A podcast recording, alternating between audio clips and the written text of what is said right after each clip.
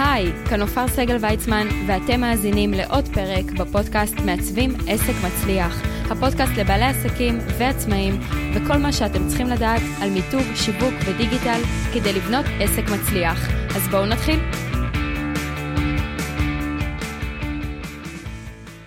שלום לכל המאזינים, היום אנחנו שוב בפינת טוב ששאלת, ויש לנו שאלה מהילה, שהיא מאמנת כושר.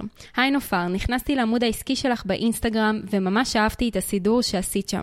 רציתי לשאול איך לדעתך כדאי לעצב את העמוד באינסטגרם כבעלת סטודיו לאימוני כושר, הרזייה וחיטוב, ואשמח לקבל כמה דגשים שלדעתך הכי חשוב לטפל בהם בעמוד העסקי. אז הילה, קודם כל יופי של שאלה, אני חושבת שהאינסטגרם זה איזושהי תופעה שהרבה בעלי עסקים עדיין לא יודעים להתמודד איתה ואיך לנצל אותה לטובתכם ולטובת התדמית הוויזואלית שלכם. אז יש כמה דברים מאוד חשובים כבעלי עסק, אתם חייבים לשים לב בעמוד העסקי שלכם באינסטגרם. אז אני אעבור ככה שלב-שלב, אה, מקווה שזה יהיה ברור, ואם לא, אני בכל מקרה מצרפת בסוף את הלינק לצ'קליסט 2020, ששם הכל מפורט בצורה מאוד מאוד מאוד ברורה. אז הדבר הראשון זה שבכל עמוד עסקי או פרטי יש את הקטע טקסט בעצם של אותו עמוד.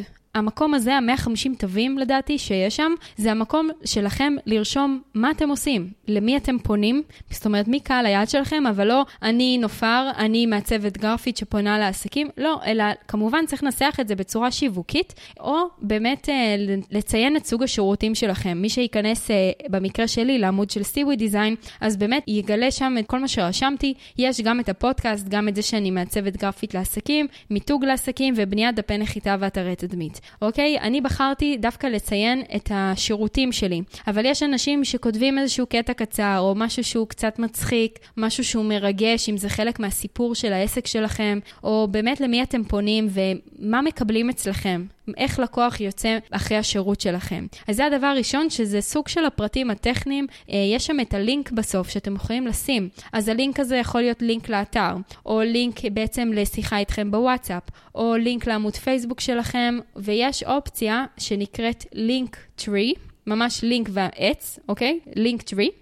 שאם יש לכם למשל כמה לינקים ואתם לא יודעים מה לבחור, אז אתם יוצרים מעין סוג של דף נחיתה, אבל לא באמת, דף נחיתה שמכיל ככה כל מיני לינקים לכל מיני דברים, ואז נניח אני רוצה שבלינק, ב Linktree יהיה גם הפניה לעמוד הפייסבוק שלי, גם לשיחה טלפונית איתי, גם לדבר איתי בוואטסאפ, וגם לאיזה דף נחיתה לשירות אחד ספציפי. אוקיי? אז ה Linktree באמת זה לינק אחד, שכשפותחים אותו נפתחים כל מיני כפתורים. אה, בעצם מה אתה רוצה לעשות? להיכנס לעמוד הפייסבוק, לשלוח הודעה בוואטסאפ, אוקיי? אז זה באמת חוסך סוג של כרטיס ביקור דיגיטלי, אבל לשירותים שלכם. אז זו גם אופציה, באמת לנצל את הלינק האחד הזה, שאותו אתם רוצים לקדם, ואיתו להשתמש כל הזמן, כשמישהו נכנס לפרופיל העסקי שלכם באינסטגרם, שיהיה לו סיבה ללחוץ על זה.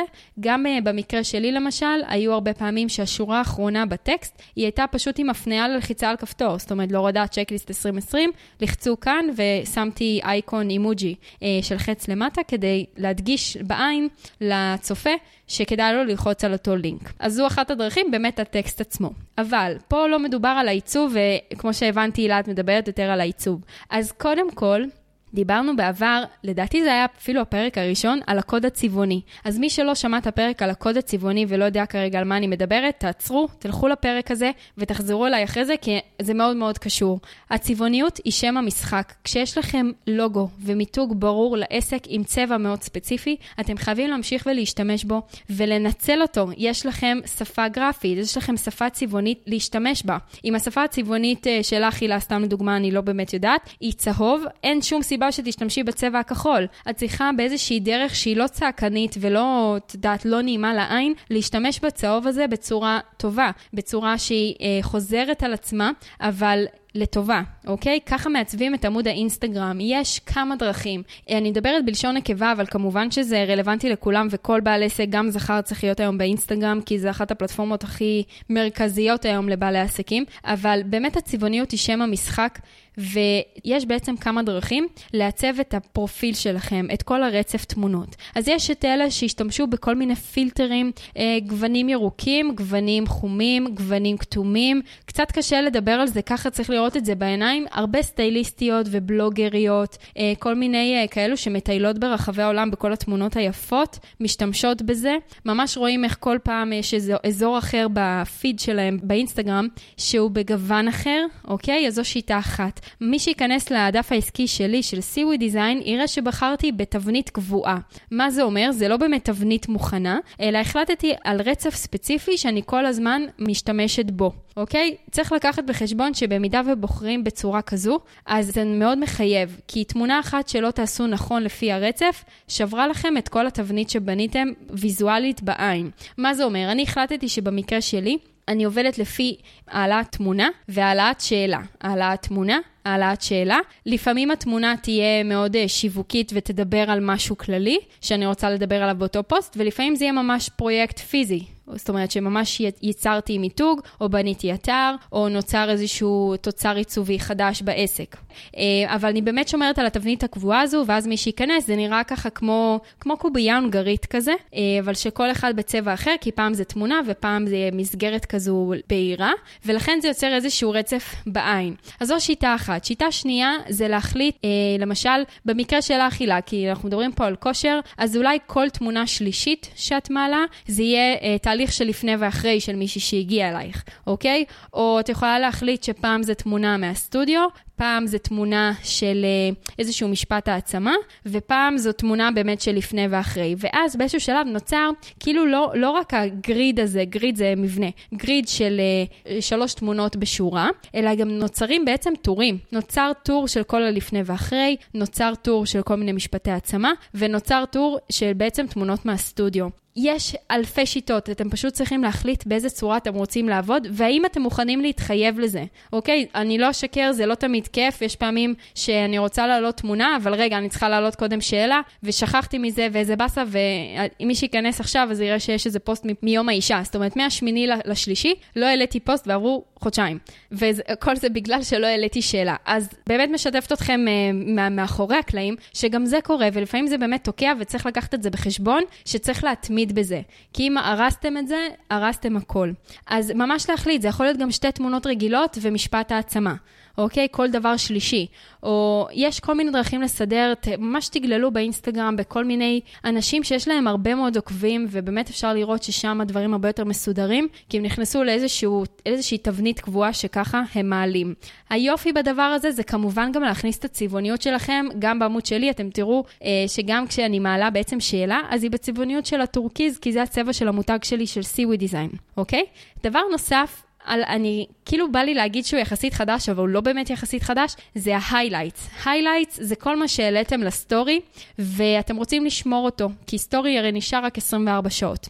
Highlights, יש לכם אופציה לנצל את זה, ממש לחלק לפי כל סוגי השירותים שלכם. אני אצרף לכם לינק לעמוד העסקי שלי כדי שתראו את כל הדברים האלה בעיניים, אה, וממש חילקתי את זה ל-highlights רק על הפודקאסט, highlights למיתוג, highlights לאתרים, highlights ללקוחות ממליצים או מפרגנים, ועשיתי אפילו highlights לכל מיני אה, לוגויים של לקוחות שבאו לעבוד איתי. אוקיי? שרכשו את השירות שלי, לאו דווקא אני הצבתי להם את הלוגו, אבל להראות קצת לקוחות שבעצם, אה, שעבדתי איתם בעבר. זה נקרא בעצם הוכחה חברתית, שבעצם יש אנשים שכבר רכשו מאותו בעל עסק את המוצר, וזה נותן איזשהו רוגע וביטחון למישהו חדש שרוצה לרכוש מכם את המוצר. אז את ה highlights האלו ממש אפשר לעצב, אפשר להחליט שלכל highlights יש בעצם תמונת קאבר, את התמונה העגולה, שמופיעה אה, ככה בפיד. אוקיי? לפני שאני לוחצת עליה ונכנסת לכל מה שמופיע בה.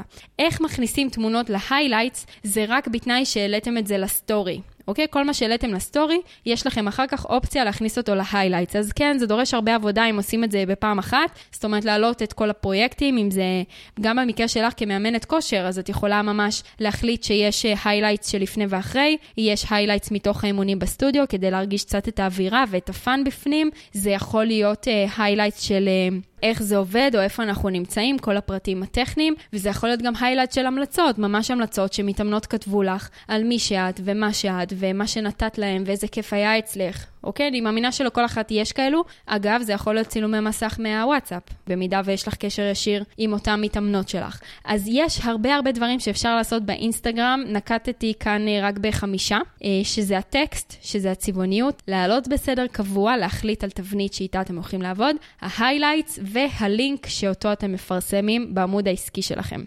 אז uh, הילה, אני מקווה שקיבלת פה ככה כמה טיפים לאיך לעצב את העמוד העסקי באינסטגרם. מי שרוצה להעמיק בזה קצת יותר, אני מבטיחה שזה לא מסובך. תורידו את ה checklist 2020 לתדמית עסקית מנצחת בדיגיטל. אתם תקבלו שם ממש את כל הכלים לאיך להיראות כמו עסק מנצח ברשתות החברתיות. יש גם סעיף על אינסטגרם, ממש כל מה שדיברתי עכשיו, איפה זה נמצא, איך לערוך, איך לשנות, מה כדאי, וגם צירפתי עוד שתי דוגמאות. לעסקים שעושים את זה בצורה טובה, דוגמה לגריד, דוגמה לתבנית שמעלים בסדר קבוע. אז ממש תורידו, זה ללא עלות כמובן, אני מצרפת לכם פה את הלינק מתחת, וגם את הלינק לדף העסקי שלי, כדי שתראו את כל הדברים האלו בעיניים. ואם מישהו עדיין לא שמע את הפרק על קוד צבעוני, לכו תאזינו לפרק הזה, אתם תקבלו בו הרבה מאוד מידע על איך להשתמש בצבעוניות שלכם כדבר שמחזק את המותג שלכם בעיני הלקוחות הפוטנציאליים ובאופן כללי כמותג עסקי מנצח. אז הילה, תודה רבה על השאלה, ואם יש לכם עוד שאלות, אז אתם מוזמנים לשלוח לי בפרטי. תחפשו בגוגל מעצבים עסק מצליח, תרשמו בתגובות, אתם יכולים לשלוח לי כמובן גם בפרטי באתר, או בקהילת מעצבים עסק מצליח בפייסבוק, קהילת המאזינים. לא לשכוח ללחוץ follow או subscribe כדי להישאר מעודכנים ולקבל עדכון בכל פעם שיוצא פרק חדש. כבר משתפת אתכם ועושה לכם ספוילר שהפרק הבא הולך להיות פרק מאוד מיוחד. הפעם אני מתראיינת. ככה קיבלתי הרבה הודעות ממאזינים שהם רוצים אה, קצת לשמוע עליי ועל הסיפור שלי ואיך אני הגעתי להיות עצמאית. אז אה, קודם כל, תמיד כיף לי לקבל מכם מיילים והודעות, ותודה רבה. אה, בסופו של דבר המטרה היא באמת לתת לכם כאן המון ערך כבעלי עסקים ועל כל מיני תחומים להשאיר את הידע או לדעת קצת יותר על איך לנהל עסק מצליח. אז הפרק הבא אני מרואיינת ומספרת גם שוב על איך אני הגעתי להיות עצמאית או איך הגעתי בכלל לתחום הזה של עיצוב ודיגיטל. אז שווה שווה לעקוב ולהיות מוכנים. מוכנים לפרק הבא. אז תודה רבה לכל המאזינים, ונתראה בפרק הבא של מעצבים עסק מצליח.